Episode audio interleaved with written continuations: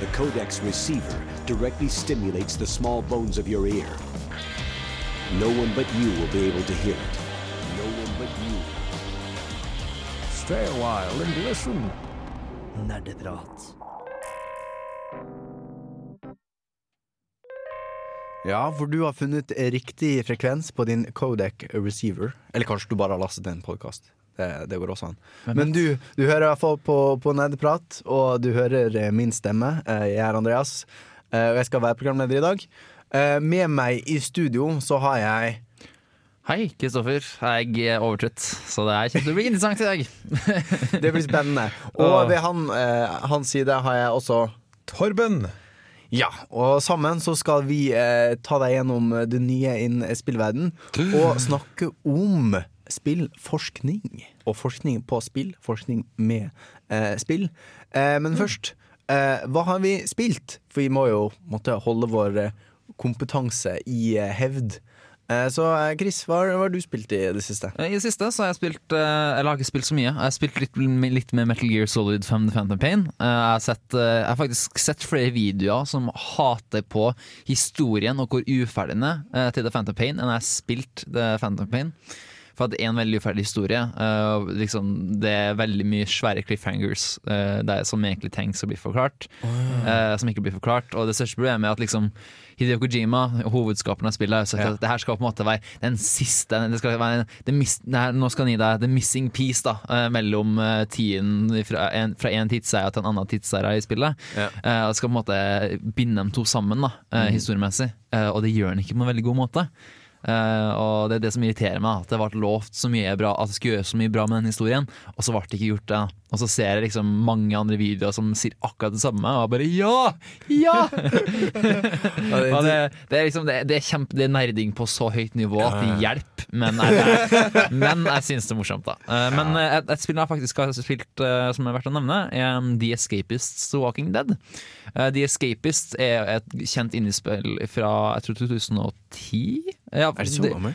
Jeg er ikke sikker, eh, men eh, det, det er iallfall en 2D adventure game, der du skal prøve å stikke av fra et fengsel. Eh, Det er veldig kult, for det er basert på eh, rutiner og klokke og sånt, så hvis du ikke møter opp på diverse steder, sånn, da, så får du penalties osv. Det de har tatt det, det Veldig briljant gameplay, for du føler allerede at du har nok tid til alt, så du må prioritere da, eh, hva du skal gjøre.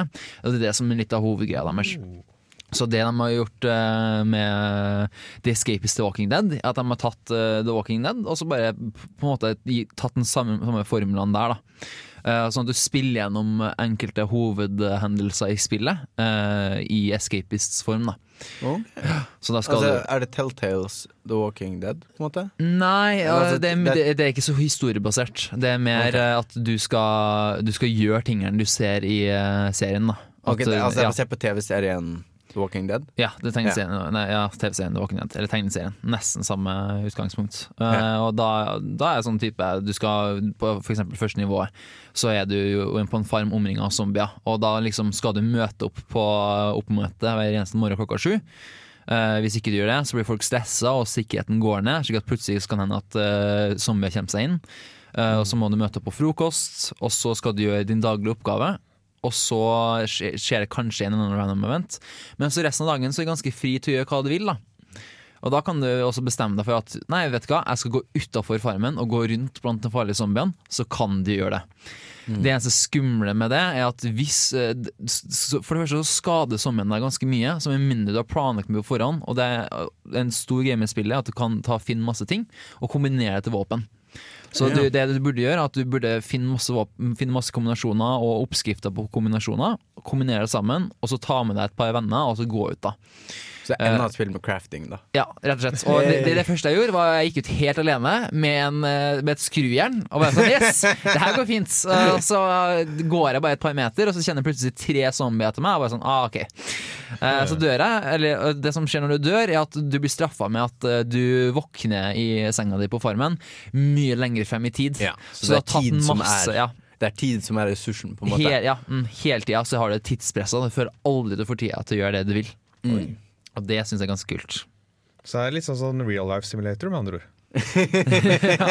Man aldri har nok tid. Bare enda mer stressende, for tida går enda fortere. Så det, Det tar aldri slutt. Ja, det når- når du liksom Fordi vi har jo litt Som studenter har vi jo litt dårlig tid. Når du er sånn åh, nå har jeg liksom hatt dårlig tid i hele dag, nå har jeg vært stressa hele dag, nå skal jeg endelig slappe av med litt spill. Hvor jeg kan stresse og ha dårlig tid! Jepp. Nei, hva, hva Har du stresset deg virtuelt, eh, Torben? Eh, ikke så mye virtuelt som uh. Faktisk. Ja. Ja, men jeg, for de som ikke er Jeg, jeg er eh, ukefunkt, som det heter. Ja. Jeg er med i flerkamera. Kult. Og for de som ikke vet hva alle disse ordene betyr, så er jeg med og hjelper eh, festivalen Uka med å, med å faktisk fungere og sånt. Så du lager ukefølelsen, som det kalles. Ja. Uka er da Norges største kulturfestival, som blir stabla på beina av veldig mange studenter som jobber frivillig.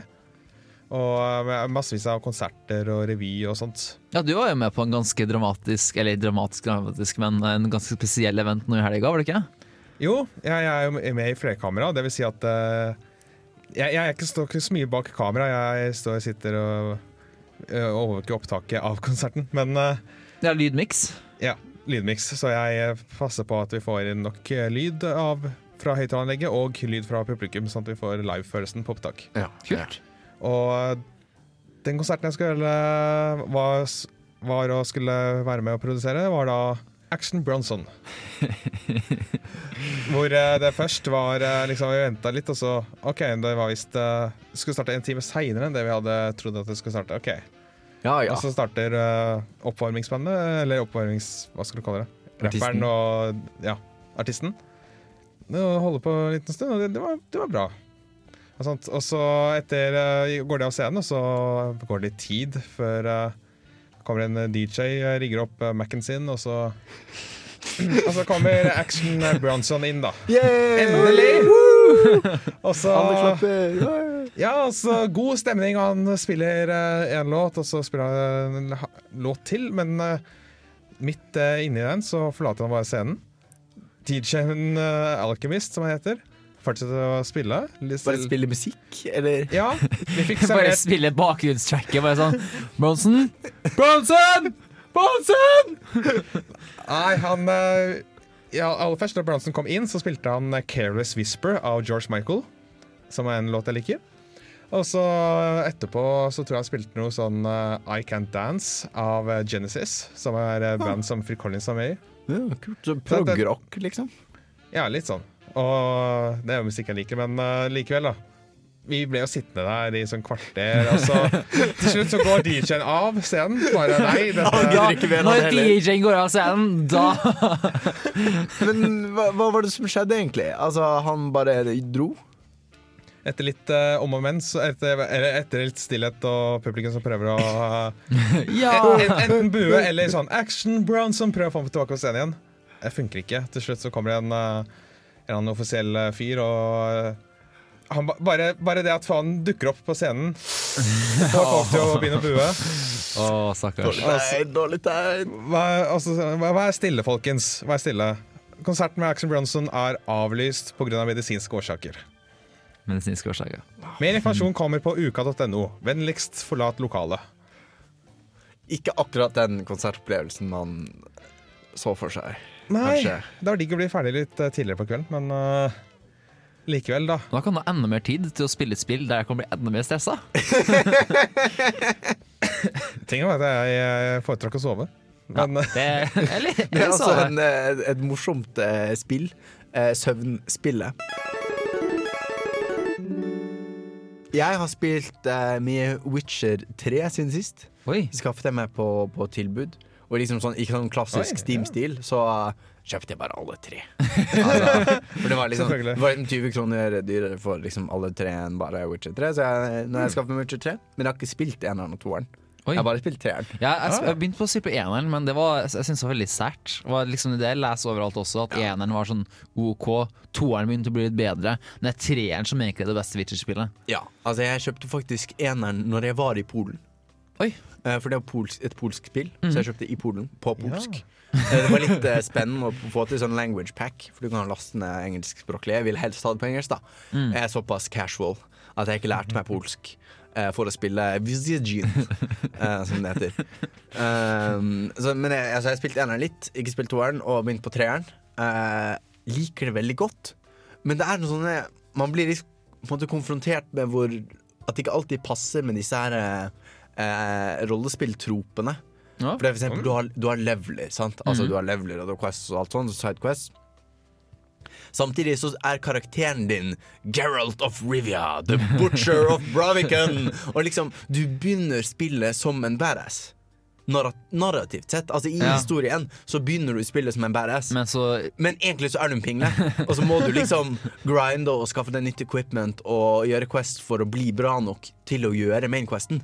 Ok, Så liksom his den historien du får fortalt i eh, liksom historien og kuttsekvensen i spillet, er ikke den samme historien som du liksom eh, fremfører med din karakter? Men det, er jo, men det er jo tilfellet for veldig mange spill. Da. Eh, og liksom, type Alle som har sånn etterfølgere etter en suksessfull ener. For eksempel Ja. Ratchet Clank, uh, en av PlayStation sine, eller Sony sine svære serier, lider jo litt av det. At du har liksom helten Ratchet da, som uh, klarer å bekjempe alle i galaksen og blir kjempepro på slutten. Og i løpet av neste spill så har han liksom ingenting igjen da, og kan ingenting, og så må han lære seg alt på nytt. da Jeg hører det er litt sånn tilsvarende for eh, disse typer spill hvor du liksom får krefter underveis. da eksempel eh, Metroid. Hvordan skal du forklare at du må hente alle ting, eh, alle, kreften, alle superkreftene igjen? Jeg hadde mistet Og av og til så har han en, en en sånn smålame, men helt OK unnskyldning. Sånn 'Å, du ble slått i hodet og har glemt alt'. Eller i begynnelsen av spillet så mastet du alle kreftene inne fordi en eller annen forbannelse. Ikke sant? At eh, de kommer bare Det, er det, det kaller man ofte i, i, i film for lampshading. Altså det å på en måte kommentere på noe, og da er det greit. Altså Med en gang du har kommentert på Er det ikke litt rart at han ser litt ut som en dukke? Jo, det er litt rart. Så kan vi fortsette. Ikke sant? Eh, eller i Matrix så, er det, så bytter de skuespiller på eh, The Oracle. Og da er det også sånn Oi, du har forandret deg litt siden sist. Ja, det har jeg. Ok, Da kan vi fortsette. Sånn, Da er vi ferdige. Da kan vi bare bevege oss videre. Bare, bare anerkjenne. Ja, ja altså Ja, Med en gang du in, på en måte in universe anerkjenner at noe har skjedd, så har du på en måte gjort det til en del av Så kan du på en måte anerkjenne det uten å bryte immersion. Ikke sant? Og det samme hvis du bare sier Nei, du har mistet kreftene dine i en eller annen magisk ting. Brr, sant? Ferdig, vi kan bevege oss videre. Istedenfor at du hele tiden sitter der. Jeg sitter hele tiden sånn jeg er jo fuckings uh, Geralt. Liksom, jeg er den kuleste badassen i hele hva nå dette landet heter. Uh, jeg burde ikke liksom måtte gjøre sidequests for å Ja. få meg et kult nok sverd, sånn at jeg kan gjøre neste mission. Og det problemet har jeg litt med eksempel Metal Gear Solid 5 The Phantom Pain. Merkelig nok. Eh, Nei, men her er greia, for at I Metal Gear Solid 5 The Phantom Pain så har du en eh, figur, eh, Quiet, som har vært blitt veldig kjent bare pga. markedsføringa. For at hun er veld, veldig veldig, veldig lettkledd. Det er snakk om bikini uh, Ja. og strømpe, strømping som er masse hull i. Alt er skikkelig seksualisert. Og så, så Og sier kameraet er skikkelig ja, det, der er òg. ja, det er liksom, det er veldig sånn ha, liksom, Her er vagina, her er brystene. OK, nå ser vi på fjeset hennes, liksom. Ja. De, de gjør jo ikke det med de mannlige figurene, så det er Nei. veldig obvious at det er veldig sånn Folk sier det er fanservice, men jeg syns det er litt rart å kalle det fanservice. For du føler deg ikke Nei, service, jeg, jeg, liksom. jeg, jeg, sånn, nei, please. Også det som jeg syns er teit, da, er at eh, altså For all del, Hideo Kojima har veldig mange gode ideer. Men uh, den, liksom, når han først presenterte Quiet, da så var det liksom at å ja, Quiet skal på en måte eh, Når du finner ut hvorfor hun er så lettkledd, så vil du føle deg skikkelig skamfull. Eh, og grunnen er fordi at eh, kroppen hennes på en måte er død, men, liksom, men den er fortsatt levende pga. parasitter. Og da puster hun gjennom det, av, det, av, ja, det avsløres veldig tidlig i spillet, så det er ikke spoilers. Og det er det som er begrunnelsen. Og det er sånn Nja det, det, liksom, det hadde vært bedre om Kojima egentlig bare sagt Jeg hadde lyst til å ha en babe der. Ja, Da hadde vært ja. sånn, det hadde vært sånn ja, OK, greit, det går fint. Men når han sier liksom at nei, det er pga. at parasitter og sånt, så viser vi bryster og, og fokuserer veldig på det, og nø, nø, nø, så Liksom, han prøver å ro seg vekk ifra ja. Ja, det er litt sånn feigt. Altså, du, Ja. du klarer ikke å stå innenfor hvilket designvalg du har gjort. Mm. Det er ofte noe som Ofte liksom i sånne diskusjoner om hvor lettledde kvinner skal være i spill. Ikke at vi skal liksom grave oss ned i den diskusjonen nå, Mm. men altså Man snakker jo ofte Nei, nei, men karakteren hennes er sånn.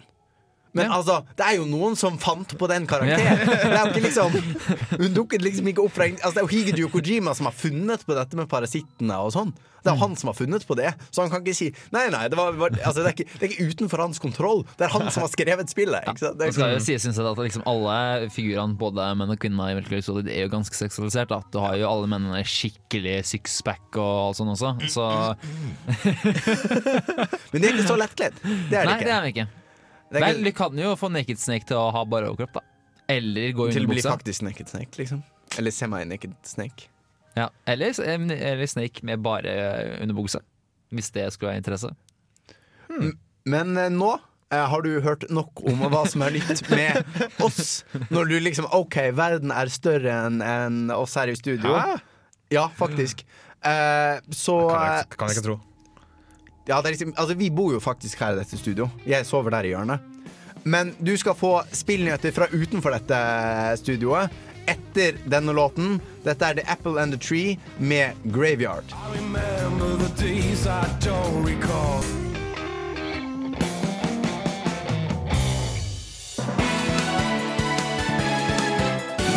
Nerdenytt. I dagens episode av Nerdenytt, er det det man sier? Eller er det hmm. Ja. Klokken er 17.22. Her, her får du Nerdenytt-nyhetene. Nerdenytt-nyhetene, faktisk. Nerdenyhetene. NNN. Ja. Norske Block and Load bytter til gratismodell. Ok, Nå burde jeg kanskje begynne å parafrese overskriften her fra gamer.no, men Men, ja, men hva er, det, hva er nyheten? nyheten er at de har gått over fra at du skal betale på forhånd, til at du ikke skal betale på forhånd. Men altså, Block and Load det er et norsk eh, mobilspill, eller Nei, norsk det er et eh, norsk eh, skytespill, faktisk, som eh, er litt sånn Ligger litt midt mellom Litt sånn Team Fortress eh, 2-aktig, men også med sånn innslag fra Minecraft, kan du si. da Ja, forstand at det er blokker, og du skal Førstefasen av et spill, så skal du bygge opp og forsvare basen din. Litt, litt sånn Home Alone-stil, med masse feller og mm. sånt. Og så etter når nedtellinga er ferdig, så skal du eh, begynne å ta over andre fiendens base og forsvare din egen. Kjempekult, da. Men, mm. men er det norskt? Det Ja, var jeg ikke klar over. Det er Nei, norsk liksom, jeg bare, jeg bare liksom sett det på Steam en gang og bare tenkte ja, det ser litt kult ut. Eller Eh, jeg vet ikke om det er norsk utvikla eller norsk utgitt. Eh, ta Wikipedia er vår venn. Load, men, men, men seriøst, hva synes Ja, dere? det norske studiet Ja. Artplant. Ja. Men de går altså fra For de har vært et betaltspill, så at du kjøper det, betaler en engangssum, og så får du tilgang på Mm. spillet. Men nå er det, skal det være såkalt free to play. Men det blir freemium, da? Altså at du må betale for eventuelt å få fordeler i spillet? Eller hva? Eh, nå har ikke jeg fått forberedt meg så mye. Torben! Ok, du skal En eller annen form for Du kan eh, gjøre ting for å tjene opp uh, sånn gullbarrer som du kan eh, bruke for å kjøpe den nye figurer nye egenskaper for Ja. figurene. Og så går det sikkert fortere hvis du betaler. Det er det Ja, samme i Metal Gear Solid. Så er det sånn her, Å ja, har du lyst på en ekstra base? Vel, du får den første kjempebillig. Neste betaler du 100 000 for! Sånn, hvis du skal ta liksom, kjøpe base nummer to, jeg tror faktisk du må kjøpe for at de, du bruker sånn spesialvaluta. Ikke sant? Det er det mest frustrerende med spill. Er sånn her, har sånn valuta du ikke kan få tak i med mindre du betaler for det. Ja. Det syns jeg er kjempeirriterende. Er sånn, ja, okay. med mindre det er litt sånn eh, hva skal vi si, smakfullt brukt. For Ja. eksempel i League of Legends så har du en egen valuta for penger som du på en måte har Som du kjøper med egne, egne penger. Mm. Den valutaen eh, bruker du hovedsakelig til uh, skins. Det som bare blir frustrerende, er når det liksom begynner å koste 400 kroner for at du skal på en måte kjøpe sentrale funksjoner i spillet. Da begynner det å bli et problem. Ja, det må jeg si var en av de eh, store positive overraskelsene med Star, eh, Star Wars Uprising. Oi. Som jeg snakket om, eh, som jeg anmeldte tidligere. Mm. Altså det nye mobilspillet eh, satt i Star Wars-universet. Altså, de, Ja. har en, de har en premium currency som mm. du kan bruke til å kjøpe mer lagerplass. Men de kaster den premium currencyen etter deg uten at du betaler for den. Du kan få den i noen oppdrag, du kan få den hvis du logger inn hver dag i en uke. Så du har mange muligheter å få premium currency på utenom å betale. Men det en- betyr det at folk flest ikke kommer til å betale så mye for dette spillet, og at det derfor kommer til å være ikke suksessfullt?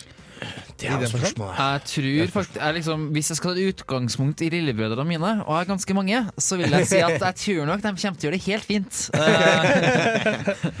altså, det er helt sjukt. Altså, den modellen her er jo retta spesielt mot barn. Eh, som, Oh. tenker, ja, ja, men altså, som tenker at oi, nå jeg kan få noe kjempekult i spillet. Ikke sant? Eh, det koster bare 40 kroner ekstra. Ikke sant? Og du kan sikkert bare 40 kroner, det koster 40 sånn lekemynter. Ja, ikke sant? Det også. Uh, magisk Mm. diamant. Monopolpenger. Ja, ikke sant? Og det, ja, det blir liksom ikke ekte penger. Og barn har veldig lite konsept generelt, noe mindre om penger. Mm. Uh, og når det blir veldig mye masing, da, og de ønsker seg veldig ofte, så hender det seg at uh, foreldre flest tar eh, noen ganger og sier ja, vet du hva, kan bruke 50 kroner på det spillet. Men bare 50 kroner. Mm. Altså, liksom, når du har en stor nok eh, brukerbase, da, så Mm. tikker det inn. Og så skal jeg ikke se bort ifra at de har kanskje reklame også.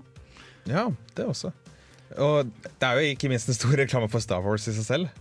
Mm. Ja, ja, ja, det, er- det er jo ikke, dagens unger har ikke vokst opp med Star Wars-filmer. Det er sant.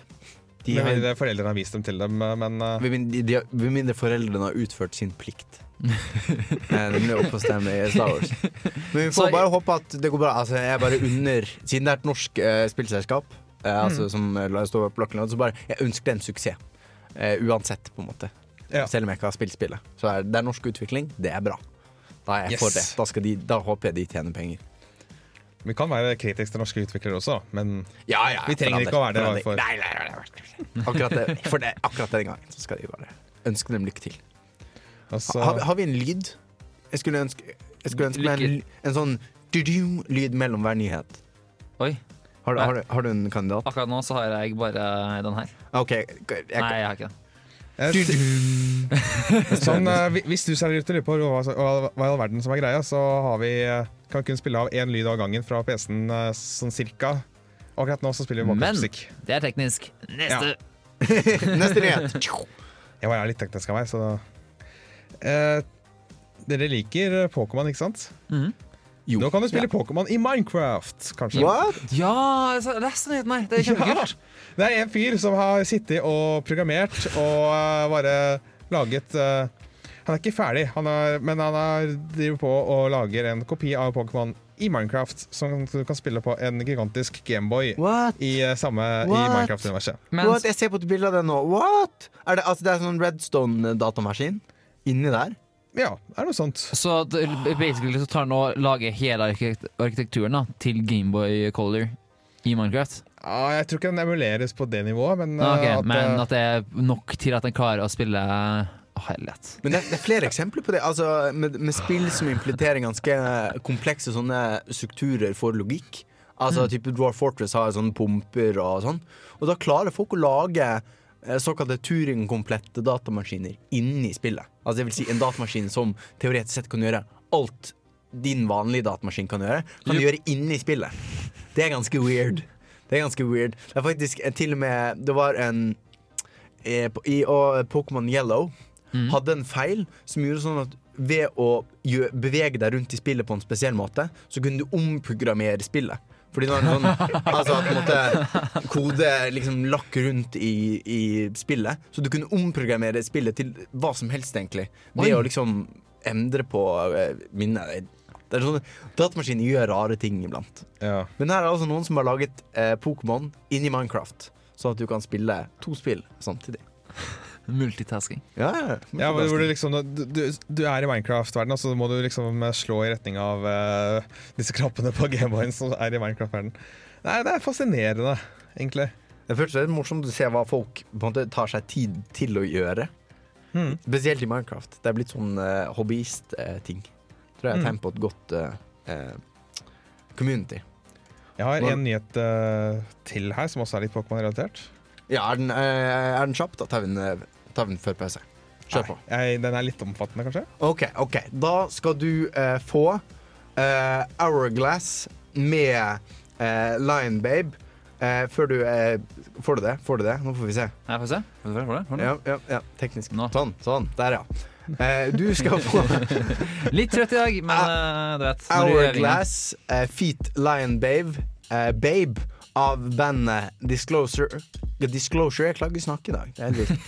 Bra jeg er ikke på radio eller noe sånt. Ja, det, det hadde vært Eh, teit. det hadde vært skikkelig forferdelig. Ja, i- Iallfall på Radio Revolt. Det, Ja, uff, ja. oh, oh. åh. Og der, Der fikk, du, de, der fikk du deler av eh, Hourglass, Feet Lion Babe. Um, og vi har flere nyheter til deg. Eh, la meg skru på skjermen her først. Ja, fordi Pokémon Company The Pokémon Company har copyright på Pokémon. Ja, det hørtes ut som en flytting. ting. For, for Kan være en fordel å ha hvis du skal tjene masse penger på det. Ja. Nå har de uh, tatt og saksøkt uh, en eh, fan for copyright infringement. Oi. Og krever 4000 dollar i uh, skade. Hvorfor det? Nei, fordi vedkommende har liksom hatt et sånn event hvor de som vi har arrangert på en kafé eller noe sånt. Hvor de eh, på en måte med litt sånn Pokémon-tema. Og da brukte de da Pokémon-logoen eh, i denne posteren. Å ja, og derfor så skal du betale 4000 dollar for det? Ja. Så nå er jeg sånn ca. 24 000 norske kroner?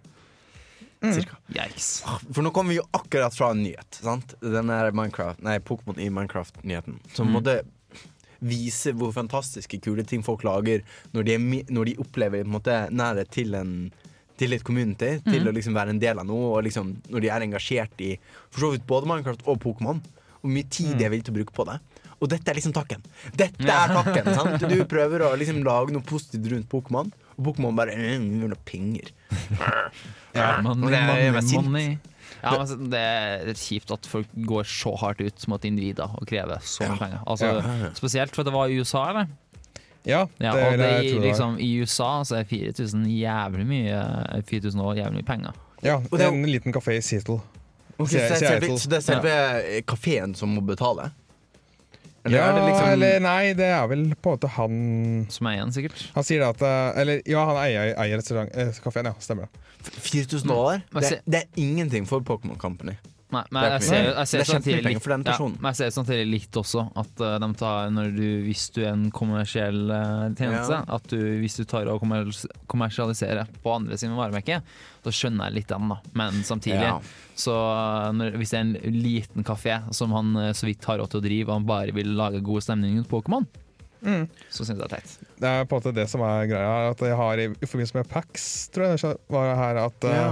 Penny er sånn un, un, Unofficial Pokémon eh, PAX kick- kickoff party. Ja.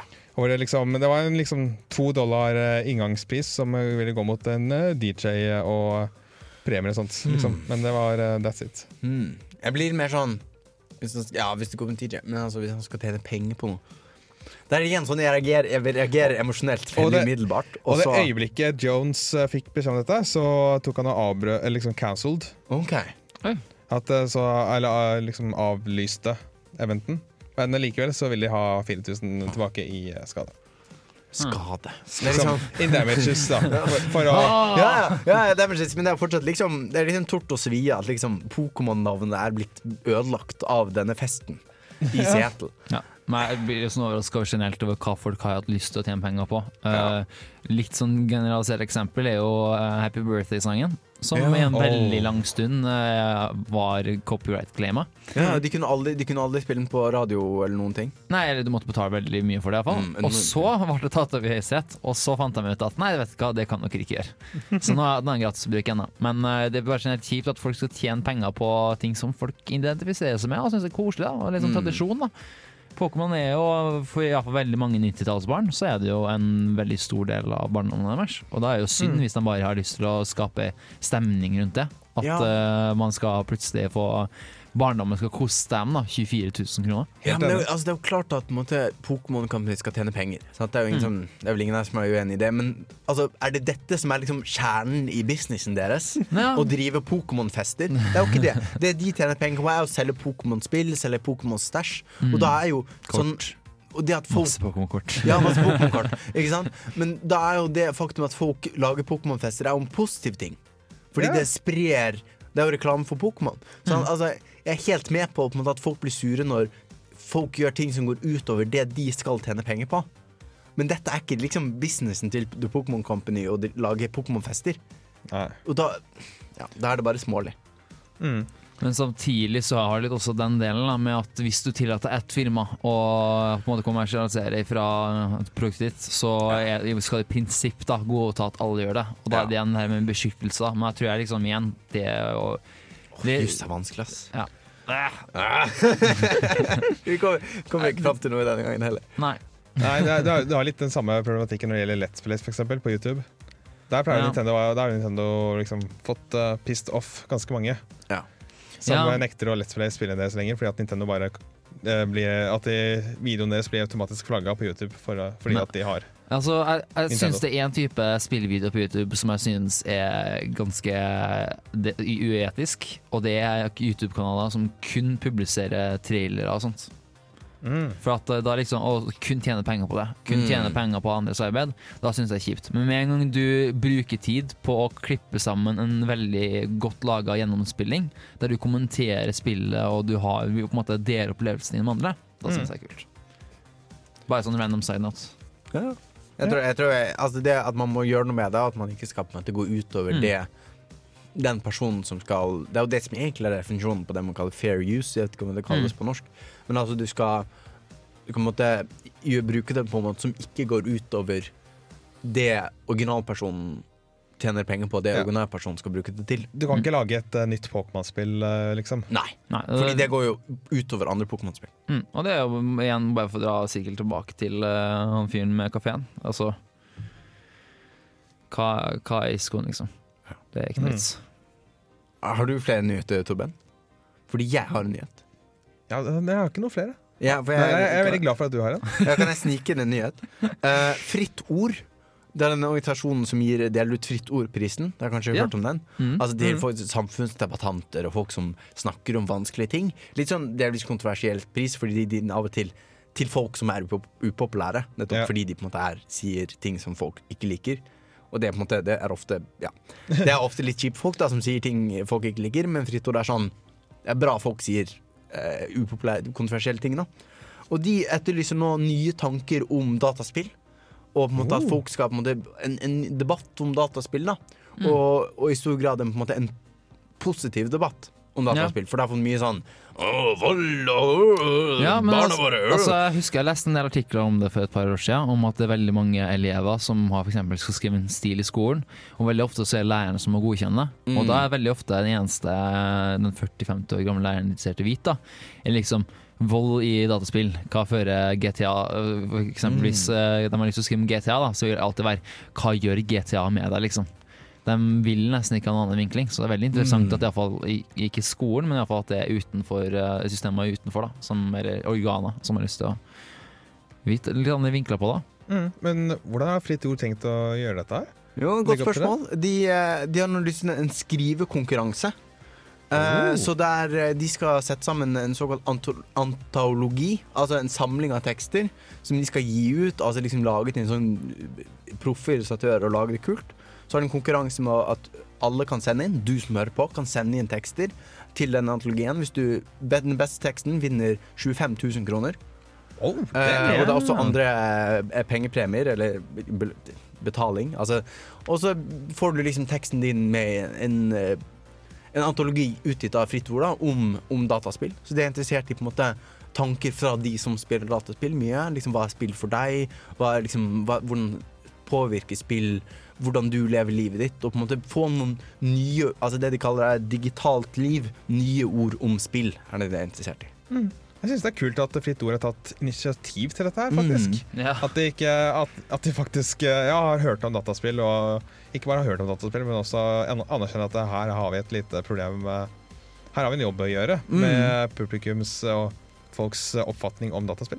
Så og Blant annet i juryen så er redaktør for pressfire.no, så det er liksom det er spillfolk som er med dette og måtte, pådriver. Så det er, det er kult hvis du, eh, hvis du skriver ting eh, og, og spiller dataspill. Jeg regner med at minst én av de er sann hvis du hører på dette programmet. Og kanskje noen også eh, har en liten skribent i magen. Eh, så kan jo du eh, gå inn på mm, jeg har ikke en URL. Fritt ord. Søk på, søk på Fritt ord digitalt liv, så finner du en nettside. Der kan du levere din tekst eh, om eh, digitalt liv, nye ord om dataspill, og kanskje vinne en eh, pengepremie. Det, det er spennende. Så må vi legge ut sånn 'let me google that for you'-link i artikkelen. Ja, det kan vi gjøre. Eh, du, dette er jo nettopp eh, rett og slett så bra at du burde fortelle vennene dine om det. Og i den ånd Nå får du 'Tell Your Friends' eh, med eh, The Weekend. Eh, etter den låta eh, så skal eh, vi begynne å snakke om eh, dagens tema. Spillforskning. Eh, forskning om spill. Eh, men først The Weekend, 'Tell Your Friends' her på Radio Revolt. I'm not.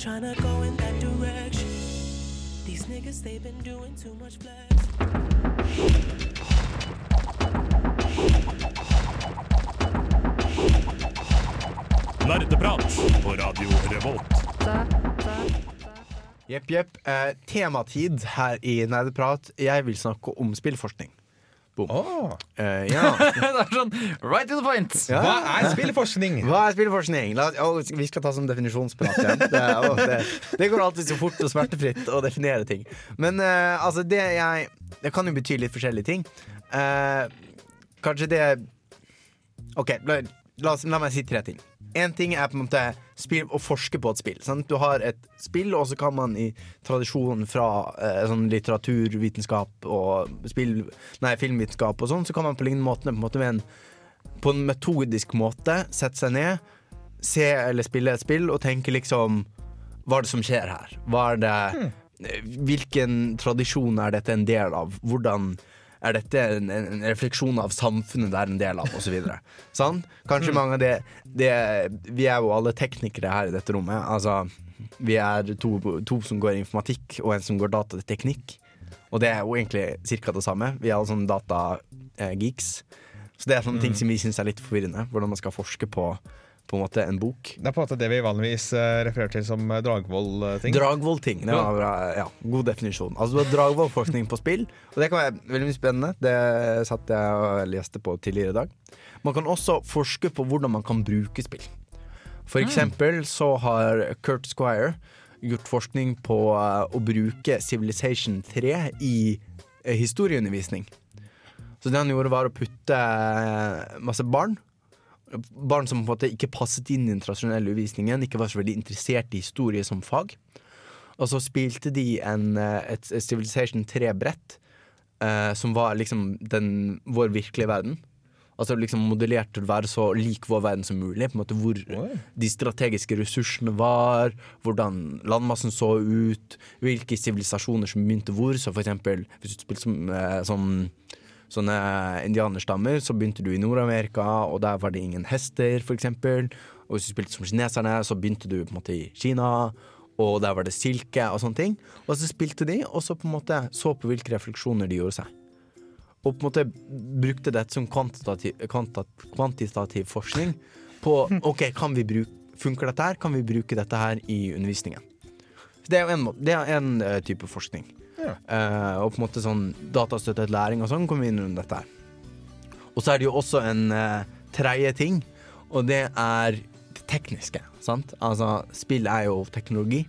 Spill er ikke bare kultur, det er også teknologi. Og på en måte, det er jo veldig tilknyttet forskning. Altså å lage bedre grafikkort, å lage bedre rendring av eh, vann og sånn. Det er også forskning. Og det er på en måte de tre tingene jeg tenker på. da På en måte En sånn teknisk forskning, en sånn bruksforskning og en sånn kulturell analyseforskning. Og det er alle tre er eh, forskning. Så det, det er nå, var det ikke en sånn diskusjonsdefinisjon, nå var det bare jeg som sa Bam! OK, Putte sånn er det, gutter. Eh, men eh, ja, kanskje jeg burde sagt dette før, men hva, hva tenker dere på når jeg sier spillforskning?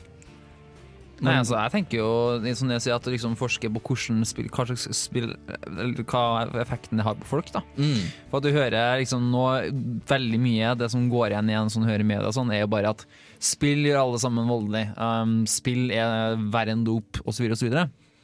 Altså, helt greit å lage sånne påstander, men jeg har lyst til å se data. da Og Det er veldig spennende å faktisk få sett litt på resultater og se liksom hva er det egentlig spill gjør med folk. Hva viser forskning at hva gjør? da Så jeg tror det er veldig nyttig forskning, for spill er jo et medium som bare tar mer og mer eh, tid i alles hverdag. Eh, folk i s- snitt bruker mer og mer tid på spill, for at du har en stadig større publikum som faktisk spiller. Så det er ikke sikkert at uh, mengden timer går opp, men uh, mengden folk som spiller, Ja. definitivt. Ja, ja, og fordi det er flere og flere som Spill pleide å være litt sånn nerde ting, Mm. men liksom alle har jo mobilspill, for eksempel. Ja, Ikke sant? Det er greit. Det er sånn sosial Det er sånn helt greit å gjøre hele tida. Uansett. Mm. Det er, man blir ikke branda som nerd hvis du spiller Candy Crush, liksom. Da, det er liksom også sin egen Det er en sånn egen på en måte gjeng med gamers, på en måte. Nesten. Nei, det blir litt En, en egen, egen sosial gruppe, da. Altså, Ja. At, at gamer Altså, begrepet gamer den grad, altså. Det, åh, oh, oh, farlig, farlig sone, dette her. Men altså, vi kan jo bare konkludere med at det handler jo ikke bare om er du en person som spiller ja, nei. Det handler jo om en, en, en måte en identitet, da. Og det Ja. handler om på en måte sosialt, og det handler om mange ting. Vil du identifisere deg som en som spiller? Ja, altså har du lyst til å kommunisere det til andre at jeg er en gamer? Altså, det er jo sånn mange symbolske markører. Oh, fancy ord. Fancy ord. Um, altså man bruker for å kommunisere hvem man er. Sant? Hvem er jeg? Jo, jeg er en gamer. Det er en måte å kommunisere hvem du er på. Det kan du si, det kan du også forske på. Altså uh, hva på en måte identitet og spill. Men Torben, hva tenker, tenkte du på når jeg, nå vet, jeg husker jeg ikke om det var jeg eller du som foreslo at vi skulle ha spillforskning som tema, faktisk. Men hva, hva tenkte du på når vi, når vi snakker om spillforskning? Jeg er litt blank, kanskje. Jeg tenker litt sånn eh, OK, filmvitenskap, litteraturvitenskap, og så har du spillvitenskap. Liksom, Ja. det, Fair enough. Du kanskje har eh, litt sånn analysen av spill, og hva er det som gjør spill til det det er, og litt sånn. Ja, på en måte å, å bli litt mer eh, metodisk og strikt er vel litt av poenget. Ja, eller måte. prøv, prøve å gi litt sånn, litt sånn riktig svar til eh, spørsmål som designere sitter, sitter med. Og så jeg tenker for eksempel En ting som man kan dra Noe som er veldig viktig En veldig viktig område innen spillforskning for eksempel, er jo det vi snakka om på forrige sending. Det her med 3D, eller med virtual reality-bilder. Mm. For at folk vet jo ikke helt hvordan man skal spille i virtual reality ennå. Ja. Eh, Man har ikke prøvd ut forskjellige teknikker, og man har ikke funnet helt hvordan man skal gjøre det med resten av kroppen som man ikke har liksom nok tilknytning til. Du styrer de, akkurat nå så har du kun sensorer for å sense hvor hodet ditt er. Ja. Hva skal du gjøre med resten av kroppen? Liksom? Og det kan ødelegge virkelighetsfølelsen veldig fort. hvis ikke det er den. orden. Så man, man må jo forske på det. Hva slags teknikker kan man bruke eventuelt for å lure spillere inn i VR-verdenen? Hva funker bra, hva funker dårlig? Eh, for det er jo Det går på en måte an å ha en slags algoritme for bra spilldesign. Ja. Eh, Man kan iallfall unngå veldig mange av fellene til dårlig spilldesign. Eh, Og kanskje komme fram til et brett. Mm, fordi det er områder man har gjort mye forskning. Man har gjort mye forskning på interaksjonsdesign. Kalles. altså Hvordan man skal lage et brukergrensesnitt. Altså som for eksempel brukergrensesnittet til jeg vet ikke, banken din, whatever. Sant? Og hvordan man skal utforme knapper og sånn. Man har eh, på en måte gått fram med vitenskap for å finne ut hvordan skal vi gjøre dette best mulig. Men jeg føler ofte at man ikke har gjort det med spill. At man bare antatt at det beste er å gjøre det sånn, fordi det er sånn vi alltid har gjort det sånn. Altså at vi, vi bruker spilldesign Altså troper. Sant? Altså på Veldig mange spill gjør ting likt. Mm. Og så har man bare antatt at fordi det er sånn det er best å gjøre det. Så, Det er mange sånne troper som er så eh, innbakt at det er Mm. vanskelig å påpeke dem. Ja. Ja. Men altså, er det, er det best å ha Altså, Veldig mange konsollspill har f.eks. én stikke til å bevege seg rundt og én stikke til å sikte med. Er det den beste måten å gjøre det på? Ja, man er jo vant til det, ikke sant? Ja, ikke sant, man er vant til det, men er det den beste måten å gjøre det? Vi, vi, jeg føler vi på en måte bare Mange steder har vi bare antatt at vi har funnet en måte, og så er vi bare sånn Det er sikkert den beste måten. Ja, og så samtidig så har det jo Jeg kom, jeg kom til å tenke litt på det med liksom, hva er et dataspill? Fordi det er jo liksom Du hører jo med jevne mellomrom eh, et dataspill som eh, blir lansert, og så folk sier nei, dette er ikke et dataspill. For eksempel Gone Home fikk jo en del yeah. Den typen kritikk av folk, som mente Mm. at eh, øy, det er ikke noen utfordring her. Hvordan kan du kalle dette et dataspill? Jeg kan ikke, jeg kan ikke dø. Hvorfor er dette et dataspill? Mm. Og jeg har hørt jo også litt sånn tilsvarende argumenter om at eh, Kirbys Epic Yarn var et uh, dårlig spill fordi at du ikke kunne feile det. Du kunne, du kunne, du, hvis du på en måte døde, så ble du brakt, til, brakt, brakt tilbake til liv igjen med bare litt eh, færre sånne rubiner. Ja. Så altså at Kan, kan forskning hjelpe oss med å finne ut hva er egentlig dataspill? Eller hva som er kanskje er et bra dataspill. For jeg tenker liksom at Du har jo noen eh, spill som bare er De, de vet hva de driver med, de er geniale. Du har jo spill som Candy Crush eller du har jo Clash of Clans. Grunnen til at de har blitt store, er for at de vet jo De kjenner publikummet sitt. da mm. Og de vet hva som skal få dem til å bli de, Måten de tjener penger på, er at du blir gira, og du blir um, Du kommer tilbake til spillet ofte. Mm. Og da er det sånn I begynnelsen for eksempel Clash of Clans Så starter med at åh, nå kan du bygge mye med en gang. Og det, åh, det er så mye mange nye bygninger og sånt. Og det er spennende. Og så blir du ikke skikkelig gira på det. Og så tar det litt lengre tid før du kan oppgradere til neste ting. Eller litt lengre tid før du kan bygge opp en ny arme. Og så eh, er du er fortsatt gira. Eh, men liksom mellomrommet, da, mellom hver gang du blir skikkelig gira eller du får sånn dopaminrush, da, eh, så jobber du fortsatt skikkelig hardt, og du blir mer og mer villig til å jobbe mye mye lengre for å komme til neste dopaminers i et spill. Eh, jo mer girer du deg på det. Og altså, igjen, de vet jo hva de driver med. De vet hva som skal få deg til å fortsette videre. Det er en grunn til at det er så mange som er gira på Candy Crush, Ja, Clash of Clans og de andre store spillene. Og det er jo klart det er en Altså, spilldesignerne vet dette. Det er på en måte en, en metodikk til det. Og hvis du leser Gamma Sutra, for eksempel, altså det er sånn eh, Altså det er både en rettside og et uh, bransjemagasin for spilldesignere. Er- de, de, de vet akkurat hva de gjør. sant? De på en måte har en, en, nesten en formel som de på en måte går fram for å designe spill på en måte som gjør at du bruker penger. Ja, jeg tenker nesten. Eh, jeg klarer ikke å puste. Um, men én ting er på en måte hva spilldesignerne vet. Noe annet er jo liksom hva ehm, uh, Altså hva forskerne vet. Altså, skjønner du? Fordi det er ofte litt sånn at man i, i hånd, håndverket, eller i praksis, har bare funnet ut noe som funker. Men så er på den ene siden på en måte, hva har vi kartlagt, og hva har vi forsket på at, eh, hvordan dette påvirker folk. Altså det er helt andre, eh, helt andre interesser. Sånn. Hva, er, altså, hva er interessen til eh, de som lager spillene? Jo, få folk til å bruke masse penger. Men hva er på en måte interessen vår i hermetegn, altså samfunnet, whatever? Inter interessen vår er å få en oversikt over hva er det dette gjør med folk, egentlig. Mm. Så det er jo helt klart at altså, det er ikke sånn at bare fordi spilldesignere har peiling, så blir på en måte forskning irrelevant. Mm. Så, altså, fordi det på en måte er helt forskjellige ting man er interessert i å skjønne. Fordi Altså. Mm. Jeg, Det jeg, jeg prøvde å søke litt opp sånne nye sånn, forskningsartikler om videospill. Og det gikk jo for det meste i artikler som eh, på en måte hadde litt sånn utenfra-perspektivet. Det var ikke sånn eh, Det var ikke det designerperspektivet eller gamemaker-spillutviklingsperspektiv. Det var historier grad sånn hvordan påvirker dette hvordan, Hvor er dataspill i det store Ja, og fra et uh, spillerperspektiv, på en måte. Ja, på en måte. I uh, hvordan dataspill påvirker spillerne. Ikke, ikke så mye Eller i mye større grad den type forskning enn sånn spillutviklerting. For jeg vil eh, ta opp tråden litt og snakke om hvordan skal man forske på et spill.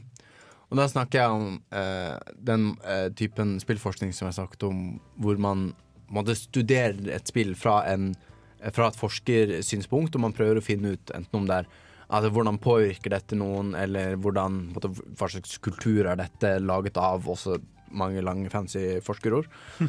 Eh, men da er spørsmålet hvordan vi som, vi som spiller dataspill eh, hva, hvordan mener vi at en forsker bør gå fram for å forske på et eh, dataspill? Altså skal man Oi. Skal en forsker sitte utenfor og på en måte ikke, sitte og se på en som spiller og notere seg i en sånn skummel blokk? Eller på en måte lese om det? Eller skal forskeren sette seg ned og spille det selv? Og kan forskeren, liksom når man spiller det selv, kan man da ha den distansen man trenger når man skal analysere noe? Hva tenker dere? Det er et vanskelig tema. Og på en måte Ok, jeg, jeg, har liksom spilt dataspill, men å skulle forske på det, da trenger du å ha harde, konkrete data. Mm. Og en type ting jeg kunne sett for meg, er hvis du har Hvis du som forsker også på en måte blir litt sånn spilldesigner, eller sånn, så kan du på en måte lage to nesten identiske utgaver av et dataspill, men hvor du på en måte kontrollerer at det er en forskjell mellom de to. Mm.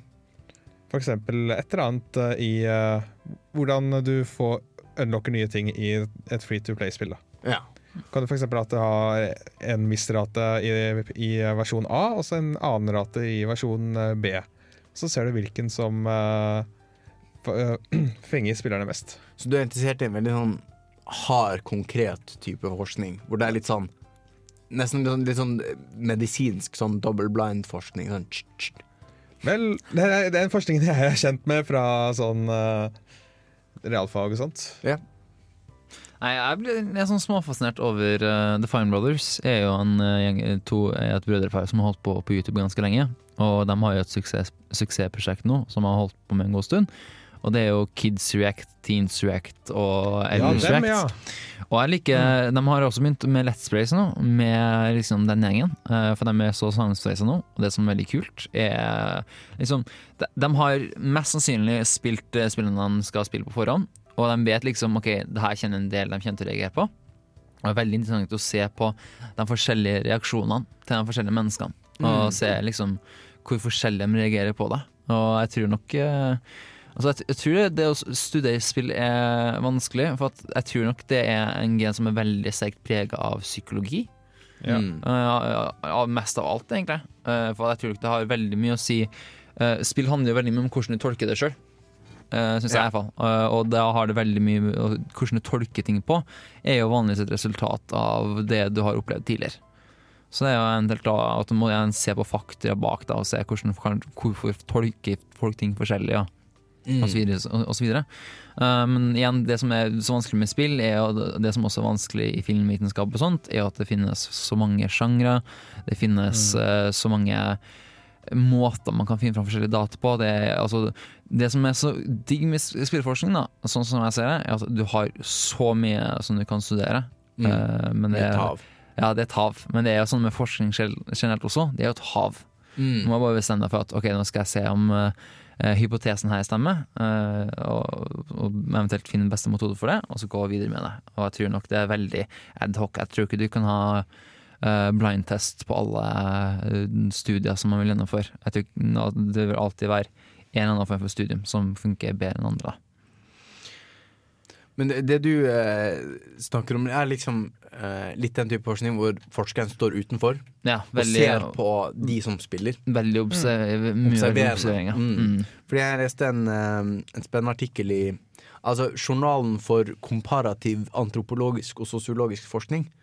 eh, ok. Tror jeg sa tittelen der eh, riktig. Hadde et, en utgave om spill. Så det er en samling av eh, sosiologiske og antropologiske tekster og, og forskningsrapporter om spill. Eh, det var litt interessant. Eh, og det var en tekst der som altså het til forsvar for den immersive partis, eh, Altså immersive participatory method.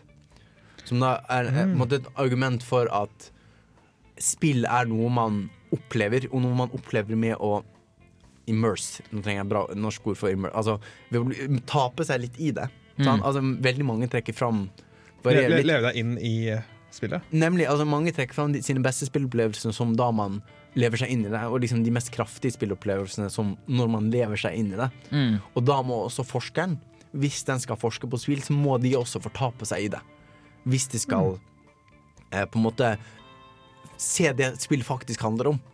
Så Ja. må man faktisk oppleve det som er unikt for spill, og det er mye av dette interaksjonen og immersjonen. Nettopp, for det, det var et sånt ord som jeg ikke har eh, Som jeg liksom har litt på jakt etter, sånn interaktivitet. Mm. Fordi spill er jo det du gjør det til. I Mm. veldig stor grad. Bortsett fra sånn lineære spill og Telltale. Men.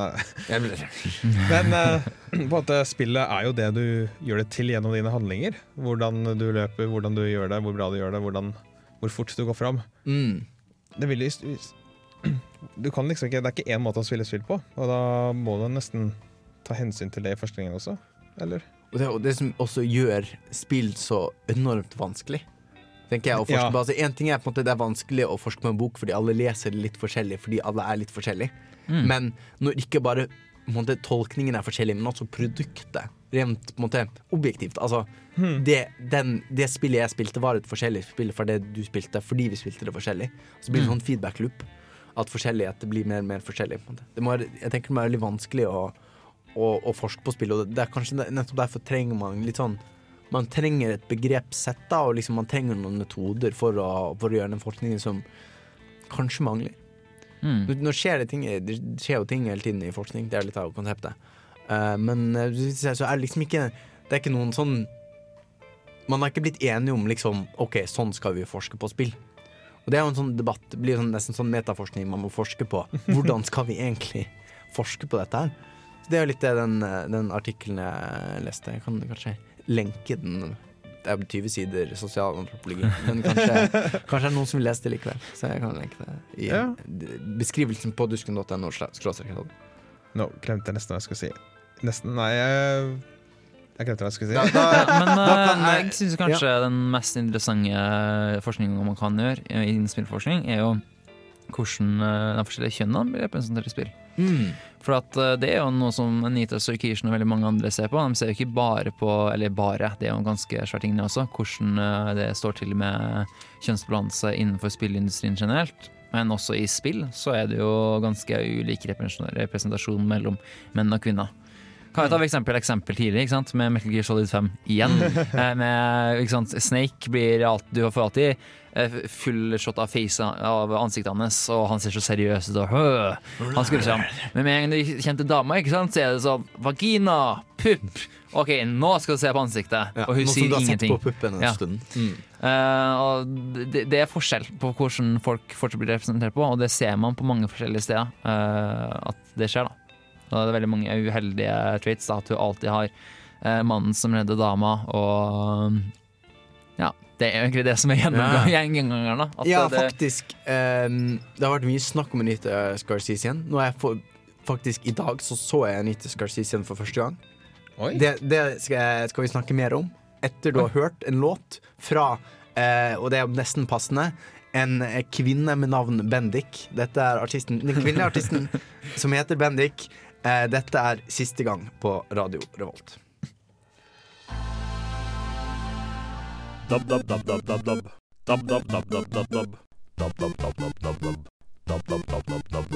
Nerdeprat er på DAB-radio. Jepp. Det var Bendik eh, med låten siste gang. Altså, men vi kommer kanskje til å spille den en gang til. Det var ikke det jeg mente. Eh, hvis du likte det du hørte, så spiller faktisk Bendik på Uka i Trondheim. Oh. Jeg husker ikke hvilken dag. Vi lurer på om det er i morgen. Kanskje det er utsolgt. Da er det ikke noe vits at jeg sier det. Men altså, hvis du var likte den låta skikkelig bra, så kan du jo gå inn på uka.no og finne Bendik and the Fjords som spiller på Uka. Eh, nå skal vi snakke om Anita Scarsisian, og det har jo vært et litt sånn Uh, hva skal jeg si, kontroversielt uh, Hun har vært en kontroversiell skikkelse innenfor spill. Uh, men, og det har jeg på en måte fått med meg, og har fått med mye av debatten. Men jeg har bare aldri liksom kommet meg dit at jeg har sett en av disse Feminist Frequency-videoene. Å. Som er da hennes eh, videose videoserie hvor hun analyserer uh, video, dataspill. Og mye sånn, altså hun kaller det tropes versus vi, eh, women in video games. Så det er altså spilltroper. Altså troper er litt samme som klisjeer, bare at det på en måte Det er ikke dumt, men det er litt sånn noe vi gjør ofte. Noe som Ja. går igjen. Noe som går igjen i spill, og på en måte versus women. Så det er på en måte ting som går igjen i spill, som er mot kvinner. Er poenget hennes. Og hun har mange sånne video videoer. Hun har eh, eksempel Damsel in Stress, som handler om på en måte hvordan Ofte i spill så er det en helt som skal redde en dame, og sånn som det.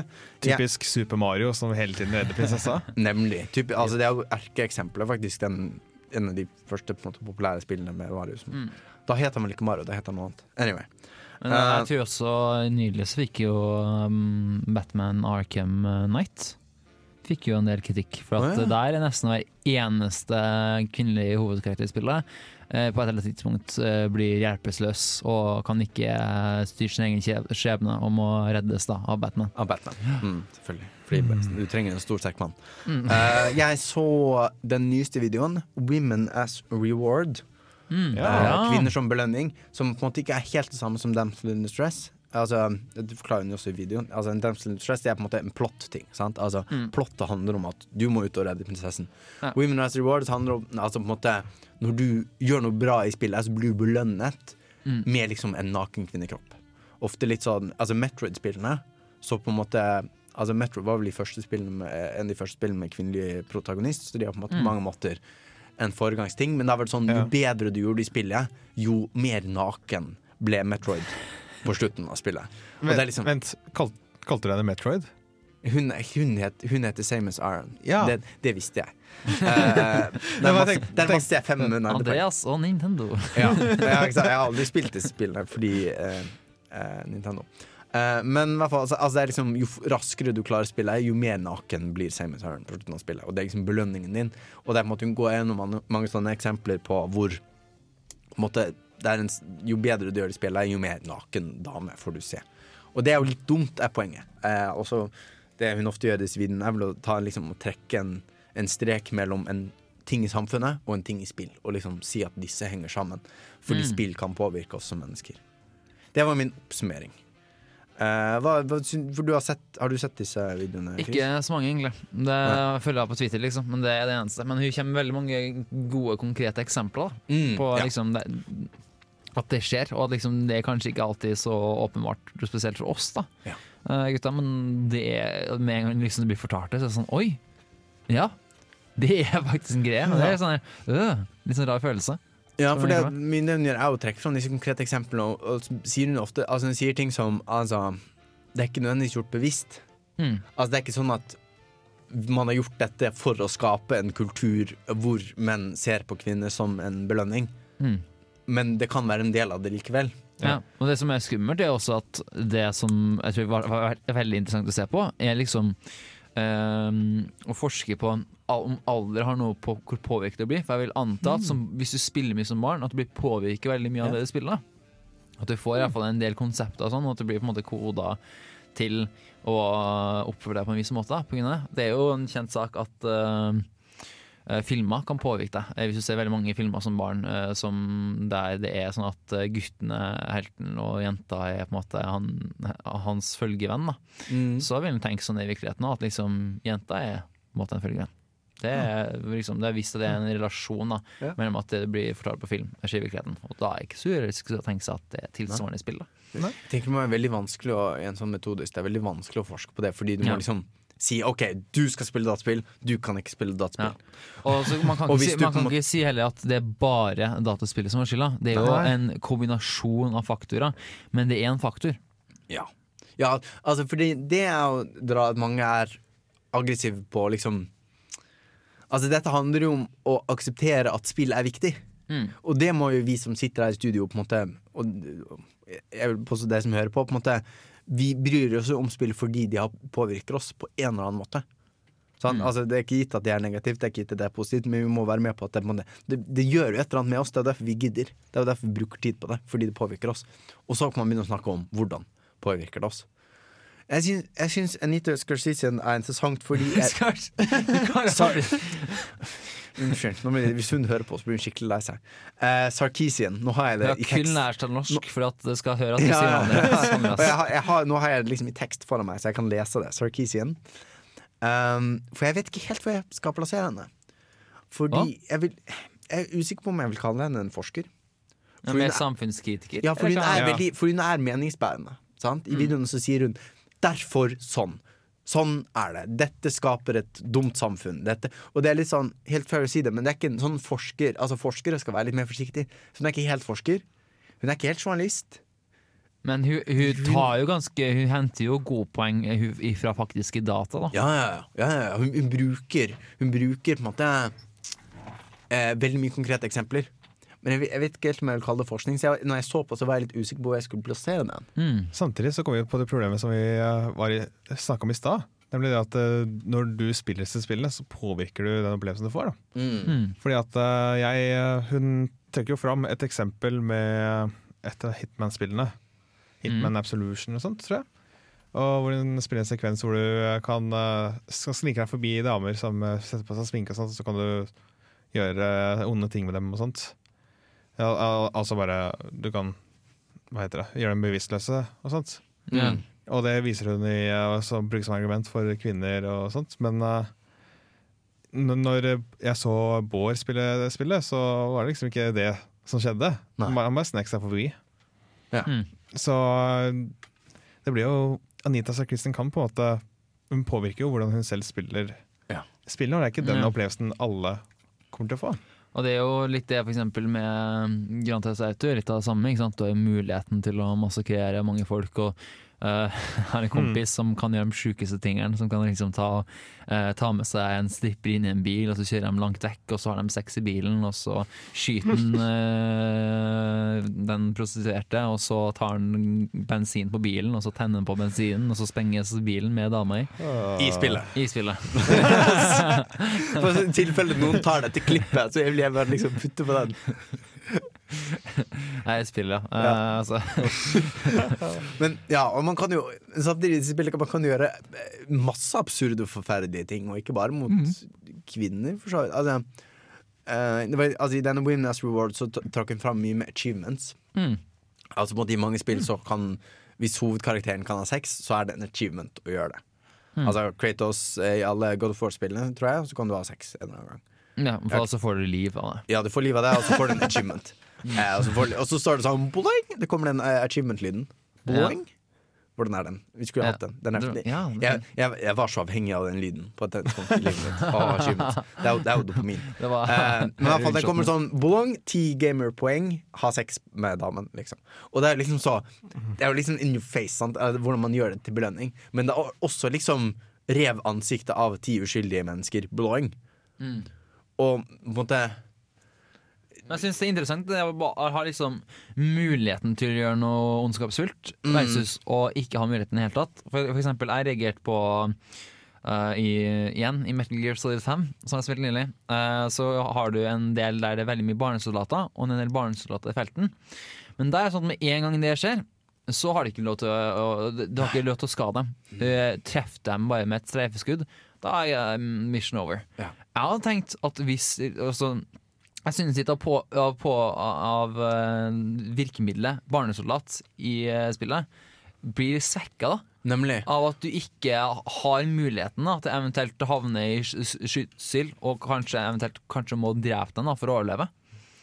For, og det, ja, og det, det er et så viktig poeng, og det er et så bra virkemiddel, og så bare sånn Ja, tenk- undergraver man det. Ja. Tenk deg liksom hvor jævlig du hadde følt deg hvis det var sånn Å shit, nå ble jeg sett av uh, barnesoldatene, nå kjenner jeg mot meg. Ok, nå, oh, må, fuck, jeg, nå, oh, fuck, må, nå må jeg faktisk kanskje drepe et par for å komme meg Ja, forbi. ikke Liksom. Og liksom, vil er du villig til å gjøre det? Er du villig til å gjøre det for å gjøre oppdraget? Mm. Det, det er spennende spørsmål å stille, blir men man, ja. man, man tør ikke. Fordi på en måte media ville bare myrde Hideo Kojima. Ah, ja, ja. ja. Jeg tenkte også at det kan være Hiro Ko- Kojima som gjerne vil si noe til deg. At dette er ikke greit, liksom. Ja, Mm. det, kan, altså, det, det er vanskelig dette her hvordan, altså, hvordan spill kommuniserer til oss. Altså om å tillate Om det er det samme Altså at å tillate er det samme som å si at noe er greit. Om å gi belønning i spillet er det samme som å belønne handlingen. Mm. Det er jo åpenbart vi trenger forskere, for dette er veldig ja, jeg får nesten sånn Altså Det er så mange lag. Sant? Altså en, det er så mange lag i en ting, og det er så mye Altså Disse lagene er så lettere å ta fra hverandre i en film. Altså Det er jo ingen som ville sagt at fordi du ser et barn bli skadet i en film, så mener denne, denne filmen at å skade barn er greit. Men med en gang du spiller en protagonist, protagonist som skader et barn, så er denne forholdet så mye mer vanskelig å, å dra fra hverandre. Og det gjør spill mye vanskeligere å, å analysere. Og jeg lurer på om fordi spillet er så vanskelig å analysere, og fordi det er så individuelt og så subjektivt, er hvorfor folk blir så jævla sure av spillforskning. Og det skal vi snakke mer om etter en låt fra Animal Crossing. Var, vi har veldig mange låter fra Animal Crossing i dag. Eh, Torben, har du lyst til å si noe om det? Ja, tingen er at Sist fredag så ble det lansert et nytt Animal Crossing-spill. Som faktisk er en spin-off. Hvor du eh, Jeg husker ikke hva det heter. Happy Home Designer eller noe sånt. Hvor, skal, eh, hvor de bare har tatt eh, den designerbiten av, av, Animal Crossing. Hvor du skal innrede et hus. Jeg er happy Og- Mm. Og eh, i den anledning så har jeg funnet fram noen gamle Noen nye remixer av Animal Crossing-musikk som jeg liker veldig godt. Så dette er da Animal Crossing Traveling OC Remix med Tim Sheeny. Sheehy.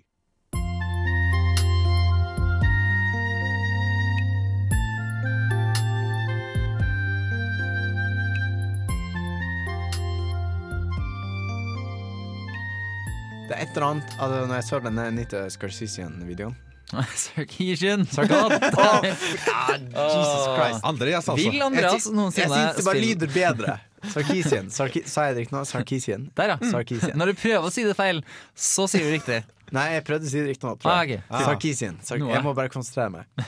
Eh, men rett under på en måte, du har views, du har eh, ganske mange views, og så er det 'comments are disabled for this video'. Og det, og det er jeg ganske sikker på at det er for alle feminist frequency-videoene. Ja, for det er så mye hat rundt dem. Og det har vært det var helt siden der Gamergate. Åh, Gamergate. Eh, Eh, og jeg vil ikke, jeg vil, ikke vil jeg snakke om Gamergate? Jeg vil ikke egentlig snakke om Gamergate. jeg, jeg føler Jeg at vil- Hver jeg vil- gang det tas opp, så tenker jeg sånn, altså, sånn øh, altså, skjønner, altså, Jeg tror hovedpoenget som alle skjønner er at det som skjedde mot en ny Anita Sarkisian, var ikke greit. Ja, det, ingen, er, ingen, er for, ingen er for å tro noen på livet, og så er Nei, alle og spesielt liksom ja, sa, Hva om hun hadde sex med andre? What so? Det er ikke din business, det. Men jeg, jeg vil liksom til, for jeg, for jeg tror ikke jeg vil Dette skal ikke handle om Game Greit, jeg vil trekke det ett nivå opp. For det er på en Mm. måte La oss bare på måte, konkludere. Noen folk ble veldig engasjert. Og noen ble, folk ble veldig veldig sinte og lei seg. Mm. Og nå, nå høres det litt ut som at noen ble veldig sinte. eh, men det var noen som ble veldig sinte. Mm. Og så lurer jeg på, hva er det med det? Altså fordi det er Jeg vet ikke hvor mange av dere som leser Morgenbladet, men det er alltid noen sånne forfattere som blir kjempesinte på negative kritikker. Og, da, og da skriver de en kronikk, og så sender de den inn til Morgenbladet. Altså det er ingen som Jeg tror ikke det er noen på en måte bokanmelder som er blitt truet på livet. Nei. Og jeg tror ikke det er noen som på en måte fordi de har brukt en feministisk analyse av eh, klasse... Eh, altså eh, Å, hva heter det? Min kamp, men ikke din Hitlers. Ja, det er ikke ah, Jesus Christ. Knaus eh, Knausgård. Knu- Nå mister ja. jeg alle kulturpoengene mine. Men altså, bare fordi noen har gjort en feministisk analyse av Knausgård, så, så får de ikke bommetrussel. Altså, så hva er det med spill som gjør at folk blir så sure? Ja, liksom, jeg tror problemet er at du, måte, det, det har jo lenge vært eh, Den som snakker høyest, er jo gutteklubben. Mm. Det har vært lenge. Og med en gang liksom Det nå begynner det å bli sånn at data tilsier at det er nesten 50-50 gutter og jenter. Men det er definitivt eh, guttene som er mest høylytt. Og eh, ja, de er skummel, da, nesten. Jeg Prøve å beskytte, vil på en måte ikke dele. da Det er det som har vært problemet hele tida. At bare tenker at nei, nå kommer det ei dame, nå skal vi behandle annerledes, liksom.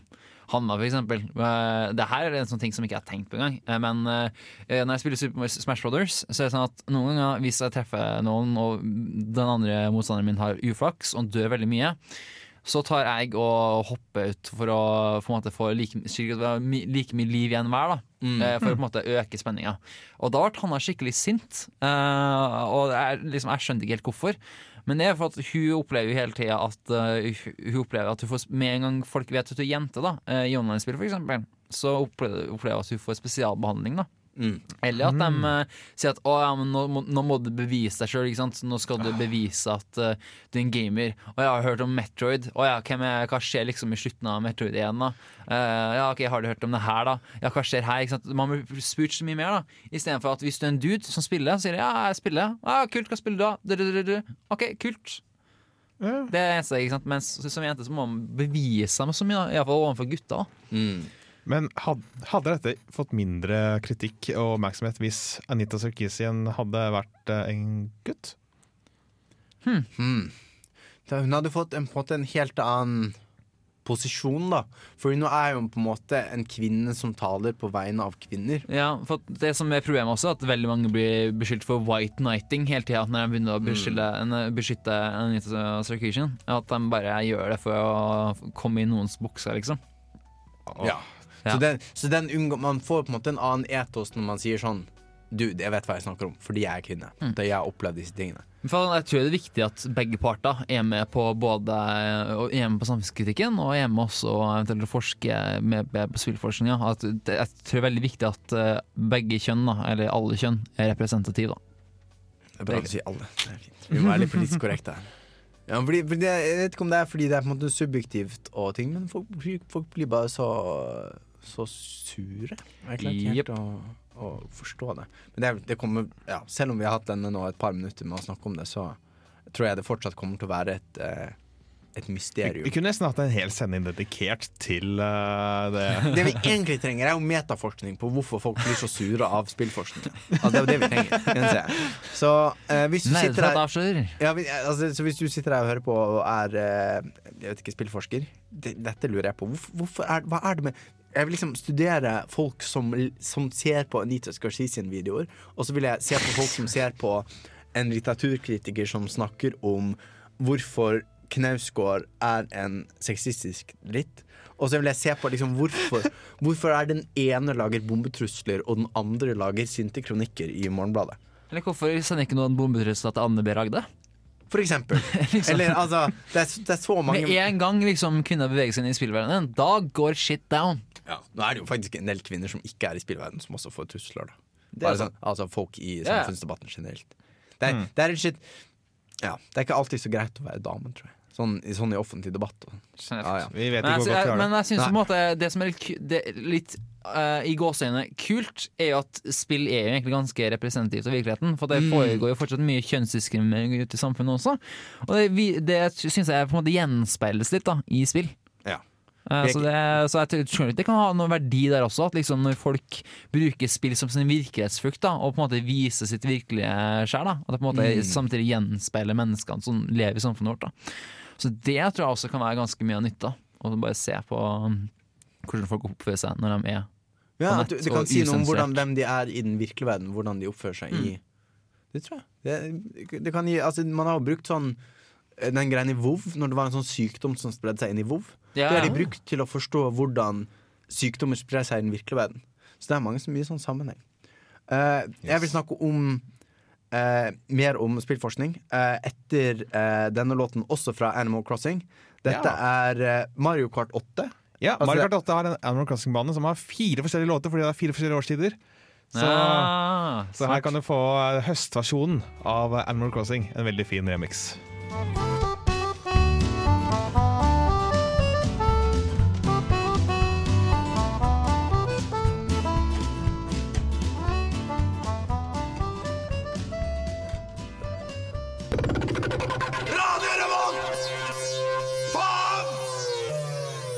Ah, jeg skulle akkurat si liksom, å, den rolige låten var perfekt. Etter eh, at vi liksom hadde sånn eh, snakk om å være sint og sånn, og så kommer den eh, jinglen.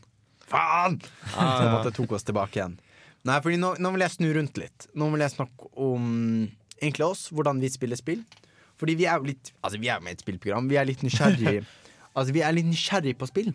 Ja. Og vi er litt nysgjerrig på på en måte sånn eh, Altså jeg, også altså jeg driver med informatikk, altså programmering. Du driver med informatikk, eh, Og du driver med dat datateknikk, som er programmering, blant annet. Altså. Så vi er på en måte nysgjerrig på hvordan spill fungerer. Ja. Både på på dette kulturelle planet som vi snakker litt om her, men også sånn teknisk. Og det jeg lurer på er eh, Føler dere at den forståelsen, og på en måte den å lære litt om hvordan ting fungerer, om den forandrer måten dere spiller på, og gjør at dere har det mer gøy når dere spiller? Mm, jeg vet ikke, liksom, jeg føler liksom Første gang jeg spilte et spill, det var jo sikkert et skikkelig dårlig spill, egentlig. Og det var sånn, da, Selv da syntes jeg å, det er kjempekult, ikke sant? Men jo flere spill jeg har spilt, sånn generelt, så har jeg egentlig følt at jeg er blitt mye mer kresen, da, hvis det er mer det du sikter til. da At jo mer liksom, jeg lærte meg hvordan spill fungerer, og jo mer jeg har liksom, sett på forskjellige teknikker, og sånt, så har det eh, lista er blitt mye høyere. da. Altså Tenker du liksom gameplay og design og sånn? Mm. Ja. Ja. At du har blitt mer kresen på design fordi du, du kjenner til mange designting? Mm. Det er også litt det jeg har følt litt på. Når jeg nå ble med i Nerdeprat eh, i vår, våres og begynte å skulle spille spill og anmelde spill, ikke minst, så har jeg på en måte mm, fått litt mer sammenligningsgrunnlag når jeg begynte å spille mer spill, og jeg, jeg har eh, når, når jeg spiller spill, så legger jeg kanskje merke til eh, litt flere ting, da. Mm. Og eh, på måte for eksempel Oi, her var det en fin overgang i musikken. Ja. Snakker om overgang. ja. Eller Eh, her var det sånn Oi, det var, det, var, det var dynamisk musikk. Oi, jeg lurer på hvordan de fikk til det, for eksempel. Da. Jeg tror det er litt sånn tilsvarende hvis du har gått filmvitenskap. Og så Jeg tror ikke du kan se en film med sånn, sånn slik du så en film før. mm, for det var faktisk akkurat derfor jeg begynte å tenke på det. Fordi jeg gikk film på Jeg gikk mediekommunikasjon på videregående. Hadde blant annet mye film filmfag. Og det gjorde at jeg så liksom Å, det var en kul vinkel. Å, det var en Se hvordan de har lagt ting inn i bildet der, sånn at det liksom blir balansert. Å, så pent det var. Og liksom Det har gjort at jeg på en måte setter pris på arbeidet i eh, som ligger i en film, da. I Ja. fordi jeg på en måte kan sette pris på Dette er De har tenkt gjennom dette. Dette er bevisst. Hvordan kameraet beveger seg. nå. Det er liksom det er gjennomtenkt. Det er ikke tilfeldig. Det er ikke flaks. Det er 100 bevisst. Og jeg tenker på, men Ikke bare design, men også sånn teknisk. Altså, fordi vi driver jo med, med programmering og lager programmer selv. Og om det på en måte Om man på en måte får sette litt pris på den rent tekniske som går inn i en, et spill, da. Ja, det er på en måte litt sånn utfordrende med dataspill også, fordi at du har så mange disipliner som går inn i hverandre. Du har på en måte programmeringsbiten, men du har også musikk. Du har det grafiske, det estetiske. Du har også lyddesign, du har spilldesign. Det er, sånn, det er veldig mange ting som går sammen, og det kan være litt eh, vanskelig å få øye på de enkelte elementene. Ja, Det er, det er veldig mye å ta inn. Mm, og det er nesten mer sammensnurt enn i en film. Enda mer sammensnurt, vil jeg si også. Ja, at ja, en at, det, at det er mer sammensurt enn i en, enn en film. Ja. At overgangen er på en måte tynnere mellom eh, hva som er eh, foto, og hva som er eh, skuespillere. Eh, på en måte Det er ganske tydelig i en film, men på en måte i et spill så er det litt sånn spilldesign og estetikk. Altså eh, kinemotograf... Nei. Cinematografi? Nei, jeg tenkte på ki, altså, kinetic. Altså hvordan Bevegelser? bevegelser. Hvordan du føler når du hopper, eksempel i Mm. Altså, liksom, den følelsen av bevegelse. Måte, det henger veldig, alt henger veldig sammen. Og det estetiske, hvordan Altså, når ting liksom eh, squashes litt det drev Walt Disney med mye når han skulle animere ting. At det squashes litt når det lander, for eksempel. Det liksom Det former hvordan det føles å hoppe. Altså det estetiske og lyden. sant? Lyden i det du skyter en pistol, former hvordan det føles å trykke. Sant? Så alt henger veldig sammen. Jeg synes det er veldig interessant Med en gang du blir presentert for en måte å styre for eksempel figur på, som er bedre enn før, så vil liksom, da vil de ikke styre på en annen måte noensinne lenger. For eksempel da, så finnes det jo plattformer som er lik Mario, men der måten du får mer med fart på, føles så rar ut da, og så unaturlig at eh, man blir helt kasta av. da. Og for eksempel jeg som er jo veldig Som man har merket er veldig glad i Metal Gear Solid-serien generelt. Jeg kan ikke spille den første to Metal Gear-spillene, for det er så knokete i kontroller, og grafikken syns jeg ikke passer i det hele tatt, selv om det på en måte Ja, det var tilbake på Back in the day. Ja, back in the days. Eh, så liksom likevel, så liksom, jeg klarer ikke helt å sette meg inn i det, da. Og jeg liksom merker at seriøst, Hideo Kojima, var det her noe du gjorde liksom tilbake da? Er det, var det her kult, liksom? Det her var jo kjempeteit. Det interessante der er at eh, i uh, Metal Gear-spillet er faktisk Hideo Kojima er en individ med mye som har eh, mye å si i prosessen. Vanligvis i spill så er det mange la, forskjellige teams, da. Mm. grupper av mennesker som har jobba, og det er ikke så mye individuelt arbeid. da. Nei. Det er ikke den ene kameramannen eller han ene fotografen eller han ene regissøren. Det har Mm. på en måte stort, mange lag. Nå eh, må vi faktisk bare gå videre. Eh, nå skal du få fra Hotline Miami, et spill med god eh, kinemato-følelse. Dette er eh, Crystals eh, med Moon.